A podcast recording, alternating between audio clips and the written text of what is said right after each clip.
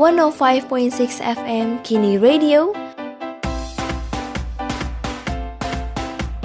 Your number one daily updates.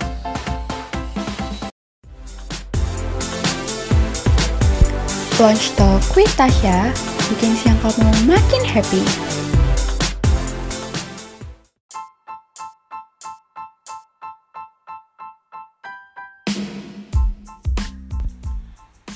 Enam FM siaran praktikum komunikasi sekolah vokasi IPB kini radio. Halo sobat kekinian, selamat siang. Apa kabar nih? Semoga sehat dan bahagia selalu ya. Kembali lagi di siang hari ini bersama aku Tasya di LTWT Launch Talk with Tasya. Seneng banget nih di siang hari ini aku bisa nemenin kamu lagi di mana pun kamu berada. Hari ini tanggal 30 September 2020, aku akan ngebahas hal-hal terkini yang pastinya up to date banget nih sobat kekinian. Makanya, buat sobat kekinian, jangan ke mana-mana ya. Tetap stay tune di Kini Radio, siaran praktikum komunikasi Sekolah Vokasi IPB.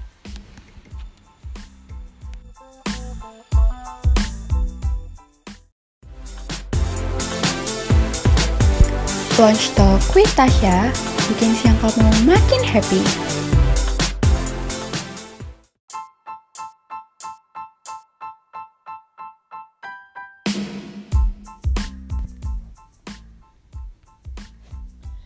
Sobat kekinian, balik lagi nih di 105,6 FM Kini Radio.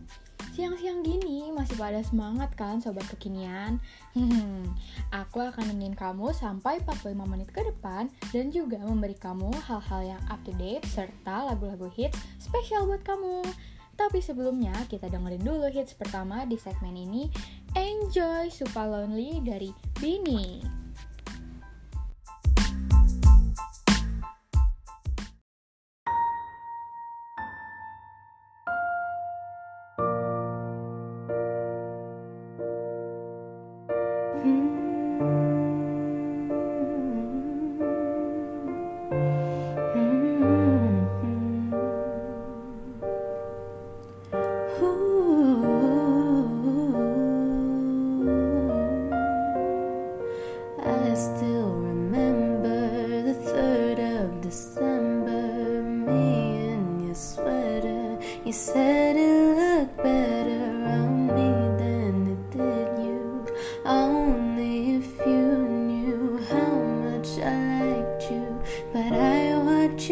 eyes as she walks by. What a sight for souls.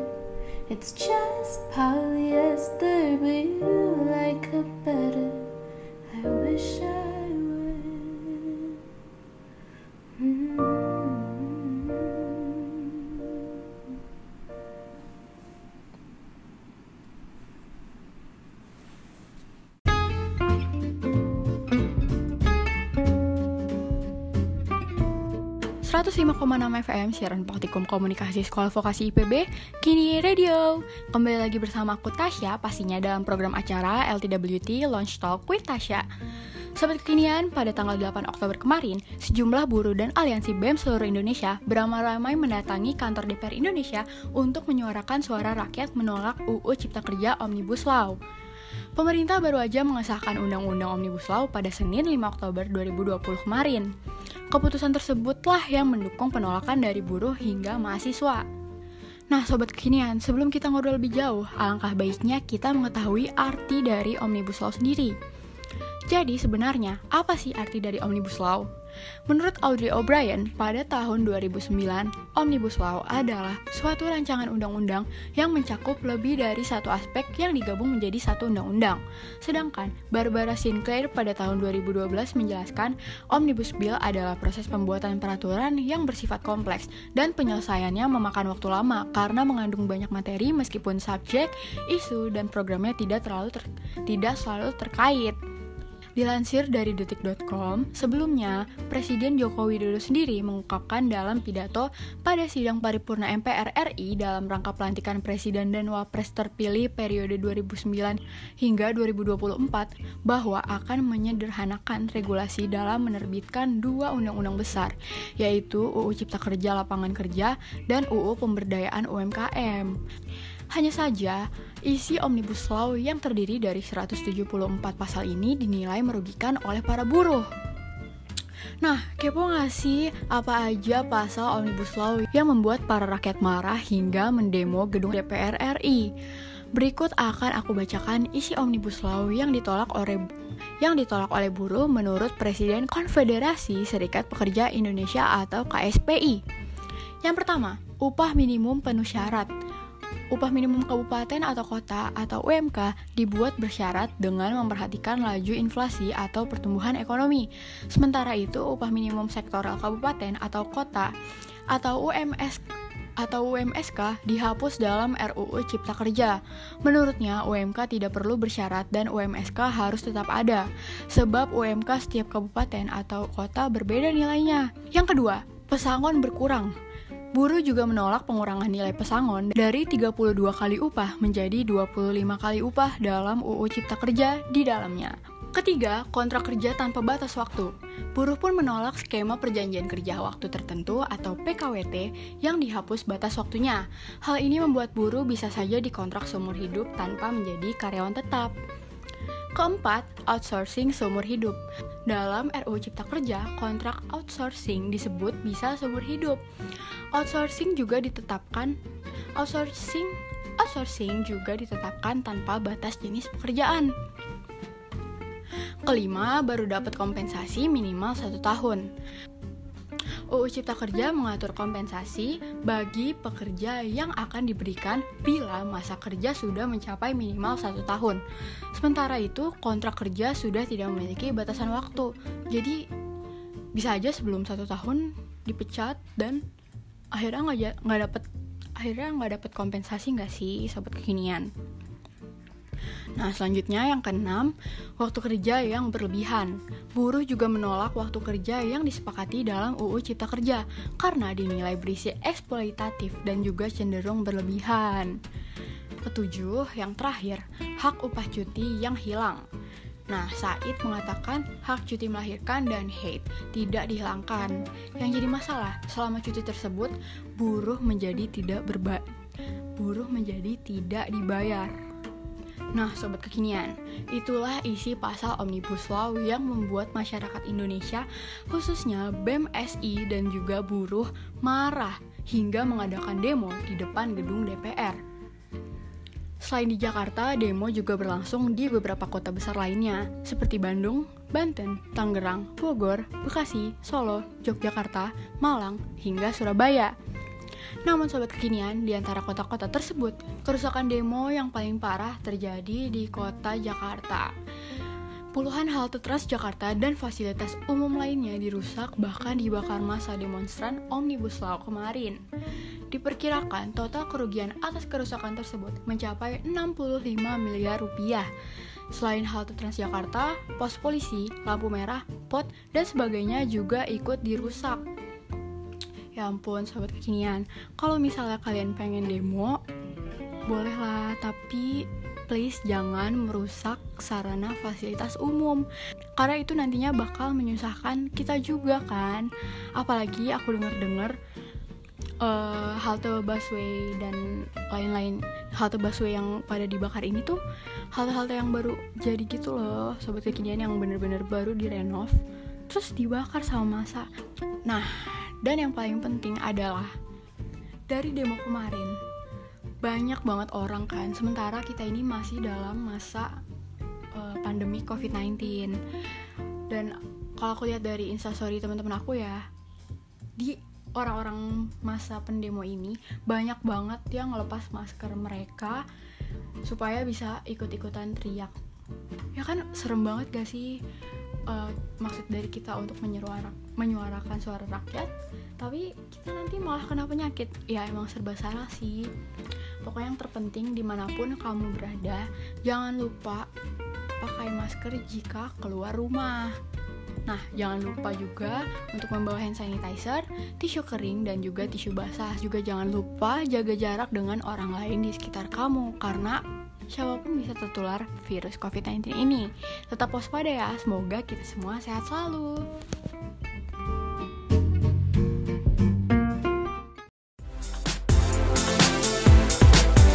Launch Talk with Tasya bikin siang kamu makin happy. Sobat kekinian, kita harus pintar-pintar dalam bergaul dan memilih teman, apalagi sama orang yang baru kita kenal.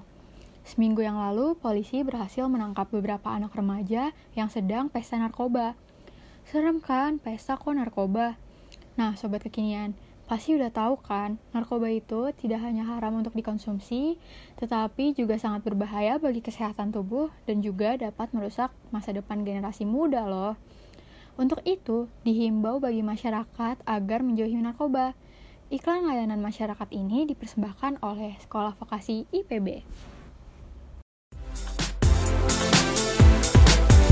Launch Talk with Tasya bikin siang kamu makin happy.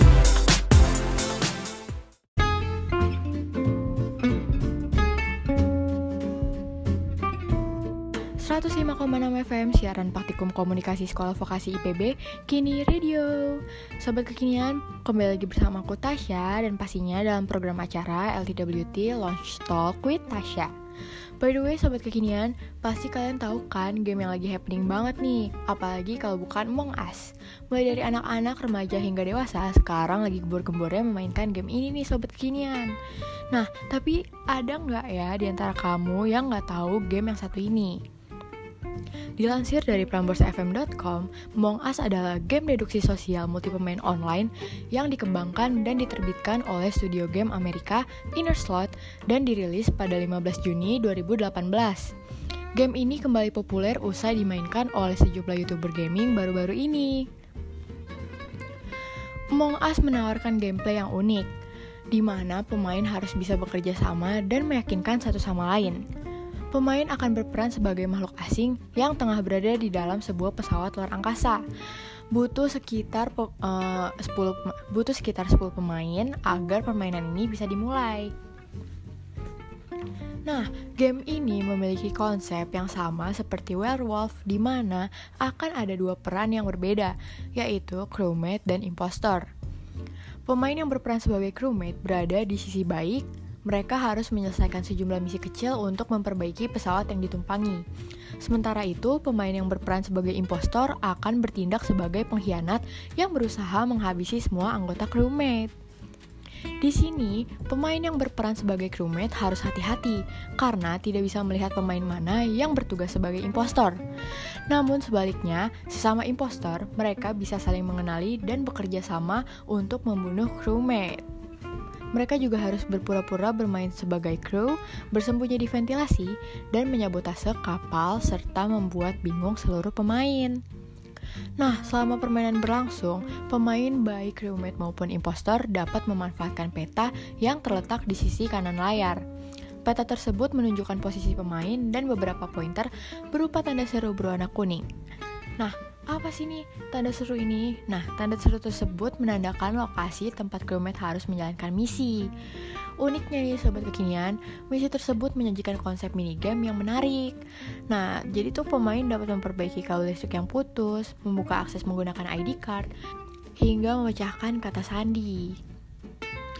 Nah, menariknya nih sobat kekinian, crewmate bisa langsung menggelar rapat darurat untuk mengambil voting siapakah impostor di antara mereka. Pada kesempatan ini, impostor bisa berbohong dengan melontarkan fitnah. Nantinya, dari hasil voting akan menentukan siapa yang akan dikeluarkan dari pesawat dan diketahui apakah pemain yang dikeluarkan tersebut adalah impostor atau crewmate. Di diskusi inilah nih sobat kekinian yang sering banget disebut sama orang-orang sebagai game perusak pertemanan. Karena pemain bisa saling tuduh satu sama lain. Sesama pemain saling menebak siapa yang dicurigai sebagai seorang impostor. Pemain dipersilahkan untuk memanfaatkan fitur chat yang ada di dalam game atau kembali menyalakan Discord Pemain yang bertindak sebagai impostor harus pandai berakting dan mengelak apabila ia dicurigai agar tidak ketahuan. Nah, kebayang gak sih gamenya tuh kayak gimana? Nah, dalam diskusi inilah nih pemain akan melakukan voting untuk menentukan siapa terduga impostor yang akan dikeluarkan dari pesawat. Pemain dapat memilih untuk menyeleksi pemain lain atau bersikap netral dengan menekan tombol skip vote. Pemain dengan suara terbanyak akan dieliminasi dan identitas pemain tersebut akan terungkap. Namun, apabila ternyata yang dieliminasi adalah crewmate, maka impostor akan tetap dapat menjalankan perannya untuk terus membunuh crewmate satu persatu. Nah, terus ya sobat kekinian, selain menguntungkan developer, game ini juga menguntungkan salah satu aplikasi yang digunakan oleh gamers untuk berkomunikasi. Apalagi kalau bukan Discord. Ketenar ketenaran Among Us di dunia membawa angin sejuk bagi Discord dan juga aplikasi lain yang bisa terintegrasi dengan game tersebut menjadi banyak diminati oleh orang. Bahkan, hal ini sampai membuat Discord memecahkan rekor unduhannya selama ini hanya dalam waktu beberapa bulan aja nih sobat kekinian. Data dari Apptopia mengungkapkan bahwa penggunaan Discord mulai banyak digunakan sejak masa awal pandemi COVID-19 dan makin banyak lagi ketika game Among Us ini viral. Wow, tidak tanggung-tanggung, Discord Mobile bahkan sampai tembus 800 ribu unduhan per hari sejak 5 September 2020. Hebat banget ya nih sobat kekinian. Nah, Discord telah mencapai titik tertinggi seumur hidup baru untuk unduhan aplikasi seluler setiap hari sejak 5 September 2020, ucap Adam Blackler dari Apptopia.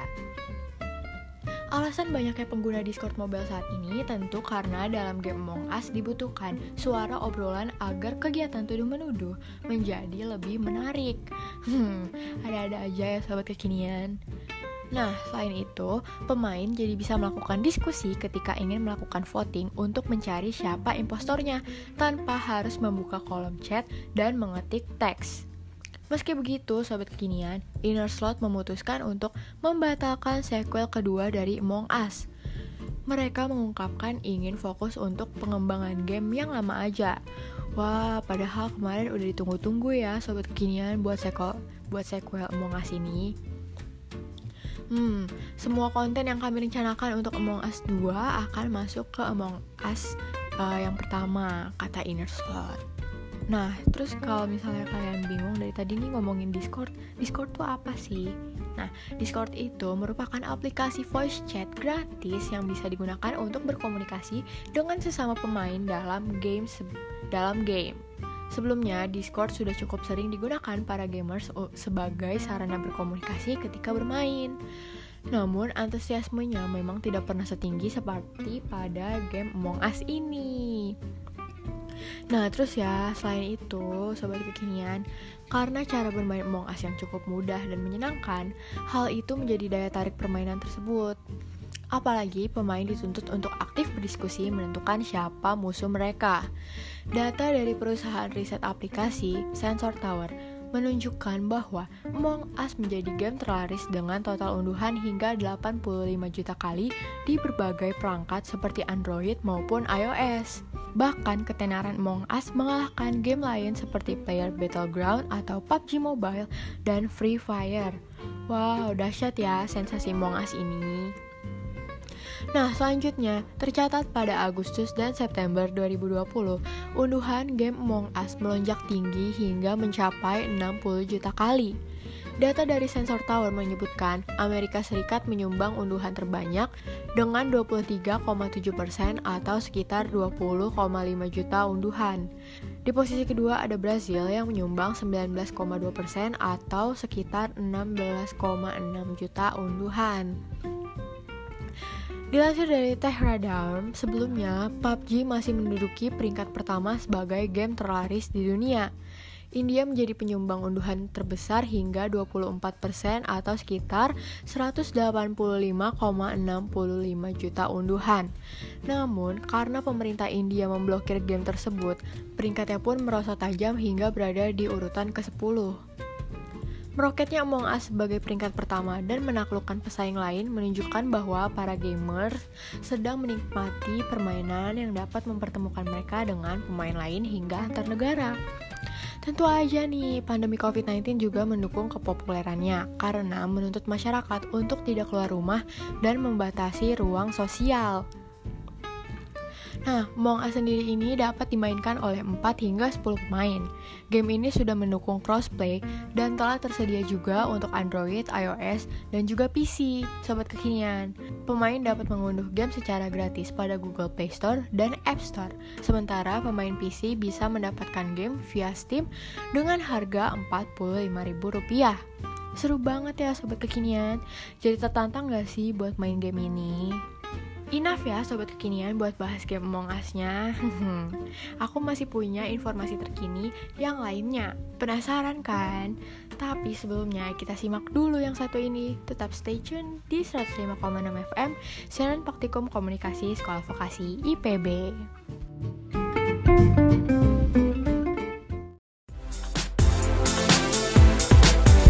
Launch Talk with Tasya bikin siang kamu makin happy. Eh, berangkat duluan ya. Loh, mau ke mana? Kok nggak pakai helm? Gak usah lah, cuman ke kampus, deket kok. Lagian gak bakal ada polisi juga. Eh, tapi tapi Ya udah ya, bye bye.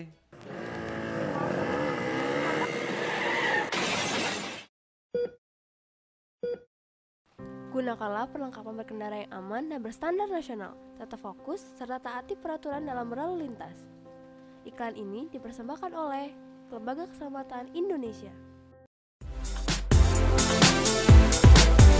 Launch Talk with Tasya bikin siang kamu makin happy.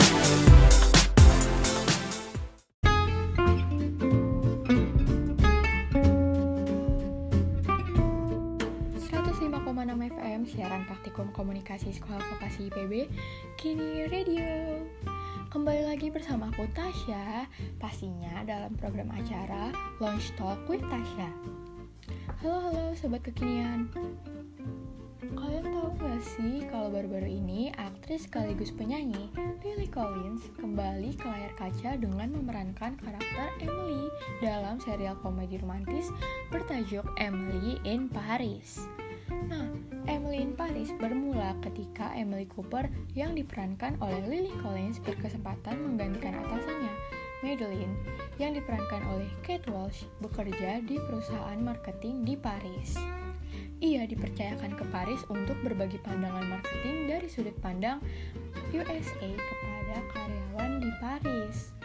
Dengan hati yang senang dan langkah ringan, Emily terbang ke Paris dan berpisah dari kekasihnya, Doe, yang diperankan oleh Row Hertime di Chicago. Kepribadiannya yang amat positif membuatnya sama sekali tidak memikirkan kendala ketika bekerja sama, terutama perbedaan bahasa.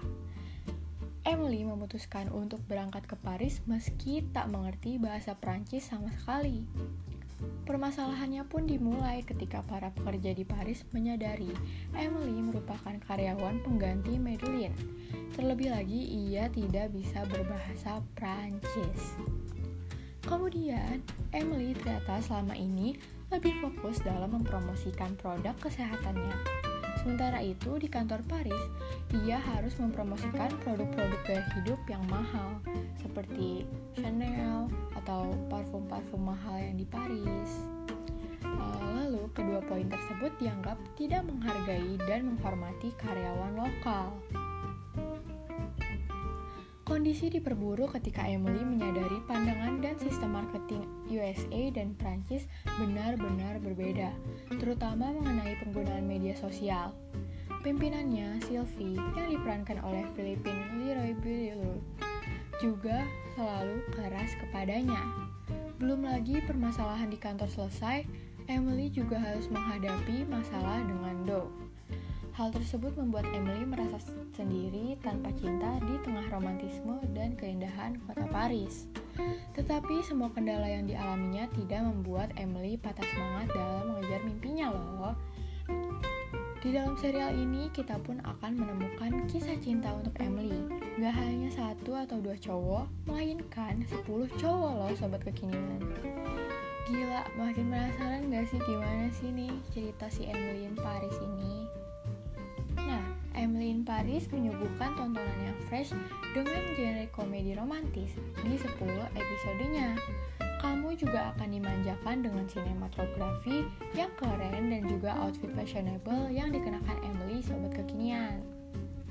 Emily in Paris disutradarai dan ditulis oleh Darren Star yang pernah menangani series legendaris seperti Sex and the City dan juga Beverly Hills. Selain Lily Collins, Emily in Paris juga dibintangi oleh deretan aktor dan aktris seperti deretan aktor dan aktris ternama seperti Lucas Bravo, Ashley Park, Camille Razat, Bruna Guri, dan masih banyak lagi. Kamu udah bisa menyaksikan 10 episode Emily in Paris season pertama yang rilis pada 2 Oktober 2020 kemarin di platform streaming Netflix ya. Nah, sobat kekinian, selain Emily in Paris yang baru rilis di Netflix, ada juga serial lain loh.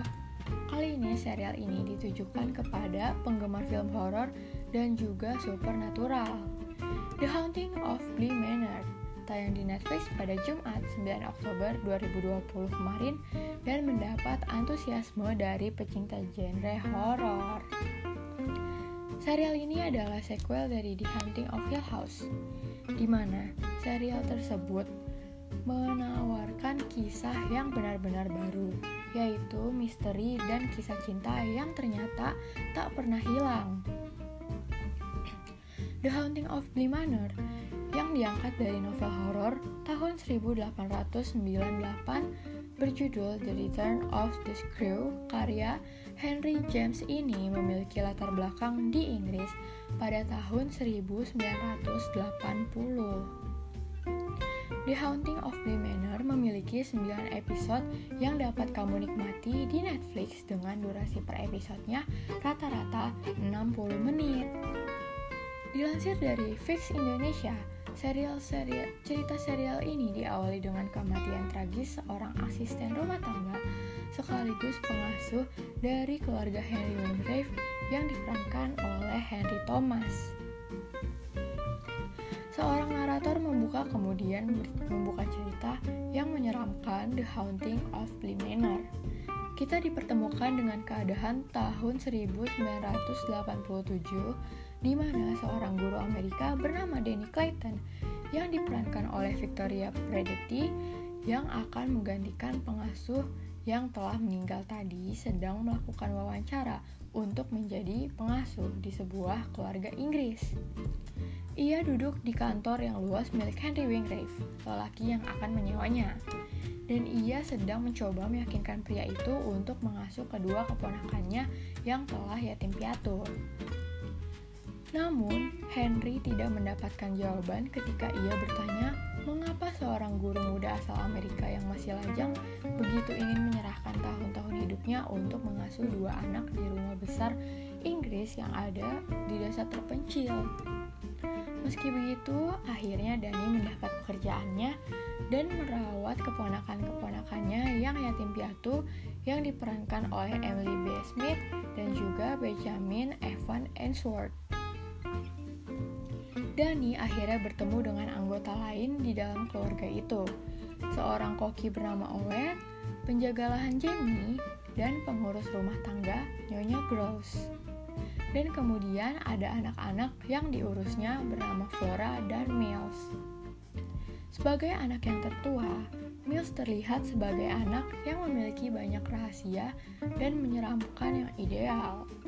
Sementara adik perempuannya, Flora, dikenal sebagai anak yang lucu dan selalu menemani Dani di rumah. Namun naasnya ternyata Flora bisa lebih menyeramkan dari kakak laki-lakinya. Setelah pemeran-pemeran pada karakter ini dikenali, tidak lama kemudian keadaan yang tidak dapat dijelaskan mulai memaksanya mulai memaksa penonton untuk bertanya dengan sejarah kelam keluarga Inggris itu dan trauma mendalam yang siap untuk digali. Kunci utamanya adalah pengenalan adanya hantu di Bly dan fakta bahwa orang-orang yang pernah meninggal di rumah ini ternyata tidak mati tetapi menghilang. Dibandingkan dengan The Haunting of Hill House, The Haunting of Bly Manor tidak seseram sequel sebelumnya. Alih-alih menampilkan hantu diam yang bersembunyi di bayang-bayang, film baru ini terlalu mengandalkan salah satu taktik merayap yang lebih sering dimainkan oleh para hantu dan bagian cermin di kamar mandi.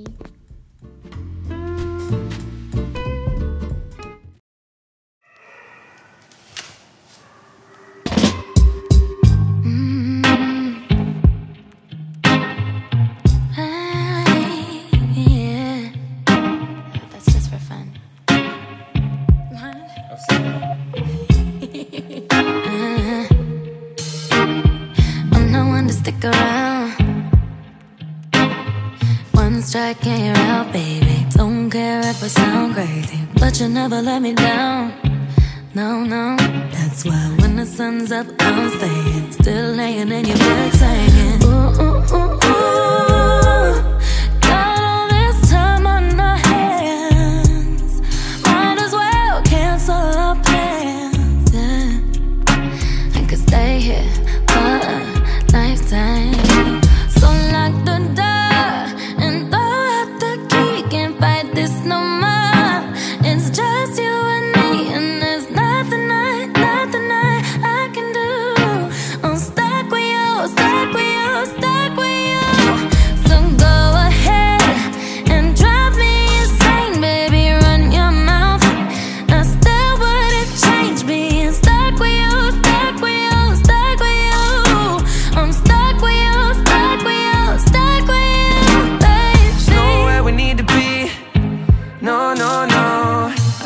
Get to know you better. Kinda hope we're here forever. There's nobody on these streets. If you told me that the world's ending, ain't no other way that I can spend it. Oh, oh, oh, oh. Got all this time in my hands. Might as well cancel our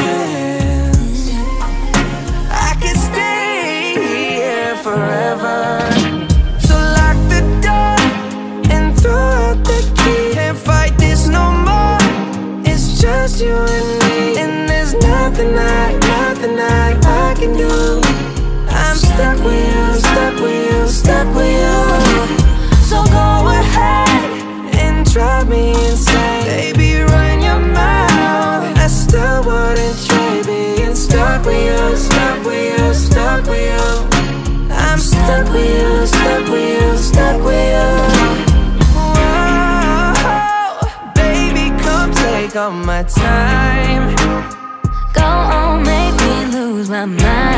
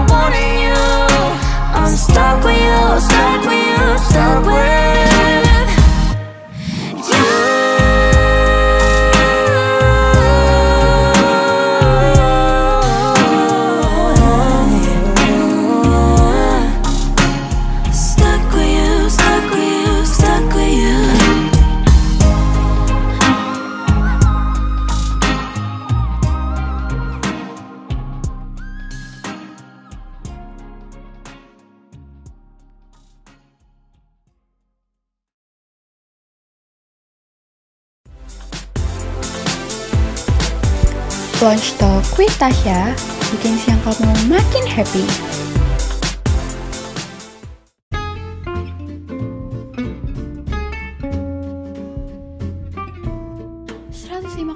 FM siaran praktikum komunikasi sekolah vokasi IPB kini radio.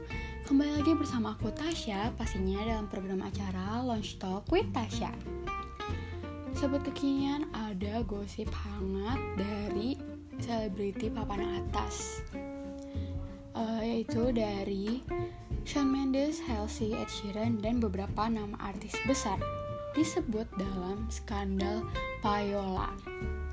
Meski pemerintah Amerika Serikat telah melarang praktik pay to play atau yang lebih sering disebut payola, bukan berarti praktik ilegal tersebut musnah begitu saja dari industri musik.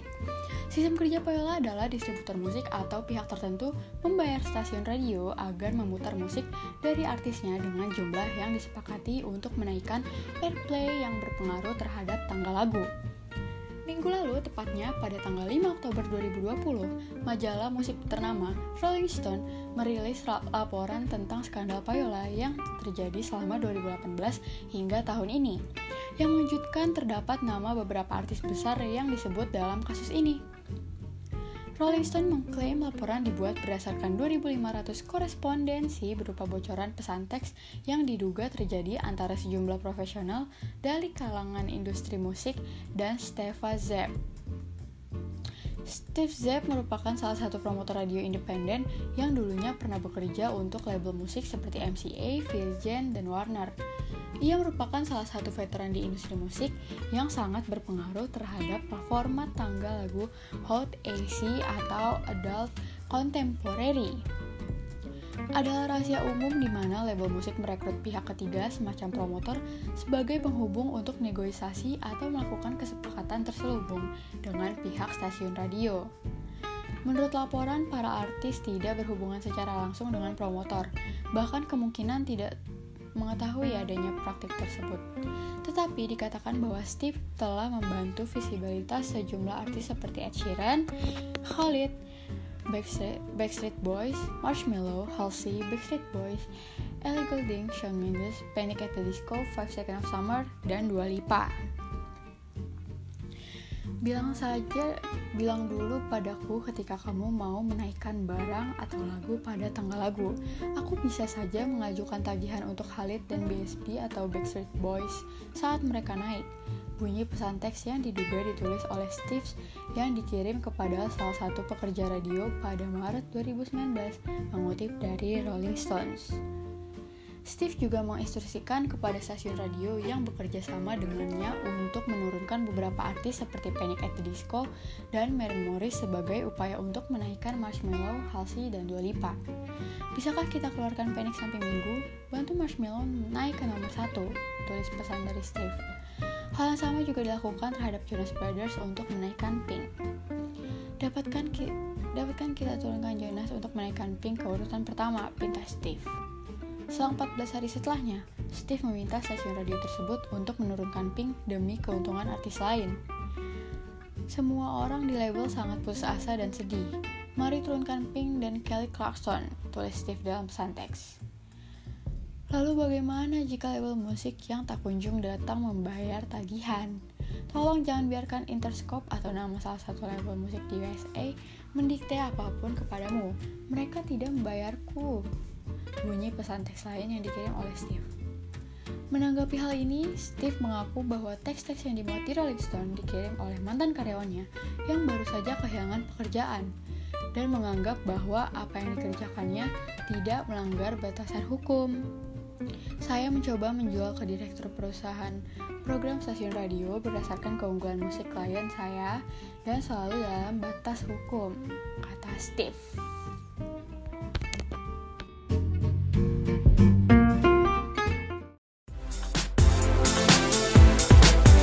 Launch Talk with Tasya bikin siang kamu makin happy.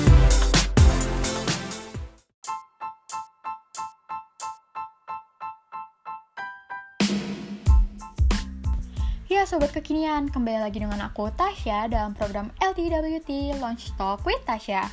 By the way, seru banget kan info dari LTWT hari ini? Nah, nggak kerasa nih Sobat Kekinian, aku udah nemenin kamu selama 45 menit ke belakang. Sekarang waktunya aku untuk undur diri, tapi jangan sedih, karena besok aku akan kembali lagi di jam yang sama. Selamat siang, jangan lupa stay tune selalu di 105,6 FM Kini Radio, siaran praktikum komunikasi Sekolah Vokasi IPB. Jangan lupa untuk menjalankan protokol kesehatan ya sobat kekinian. Enjoy langsung dari kita, Ariana featuring Justin Bieber. Stuck with you. Bye.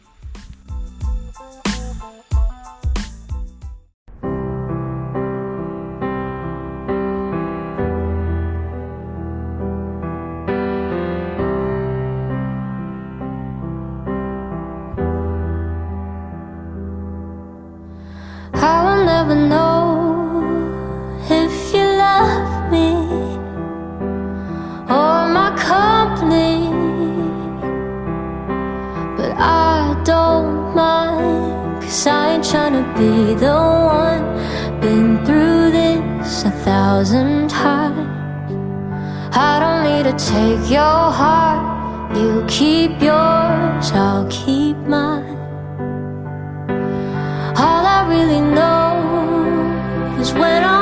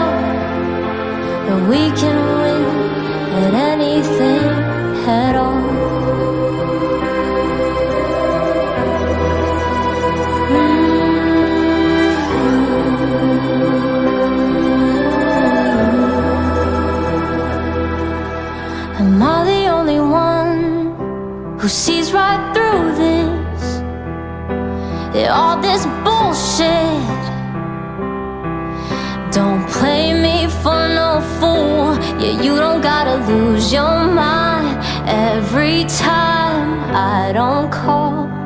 And I should never have to win your love, then hate myself when I don't.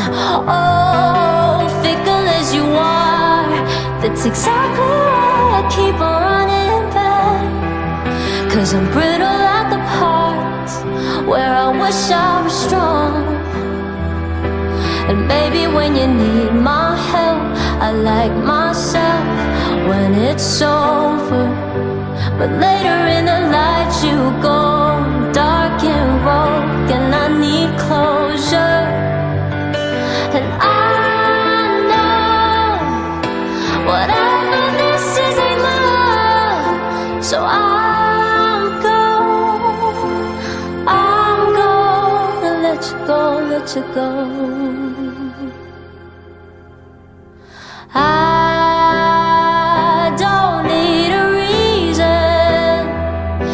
Keep on dreaming that we don't lose. Yeah, what's the use? I don't need a reason to keep on dreaming that I can win the stupid thing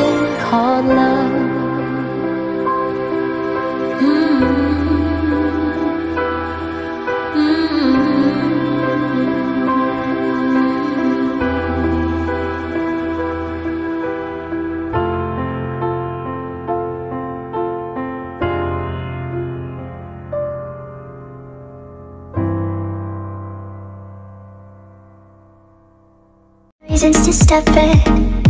I wouldn't do it on my own, I can't deny it. Still trying to build and trying to be.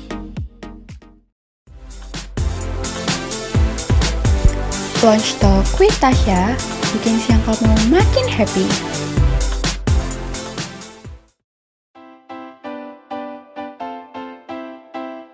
One oh five point six FM Kini Radio. Your number one daily updates.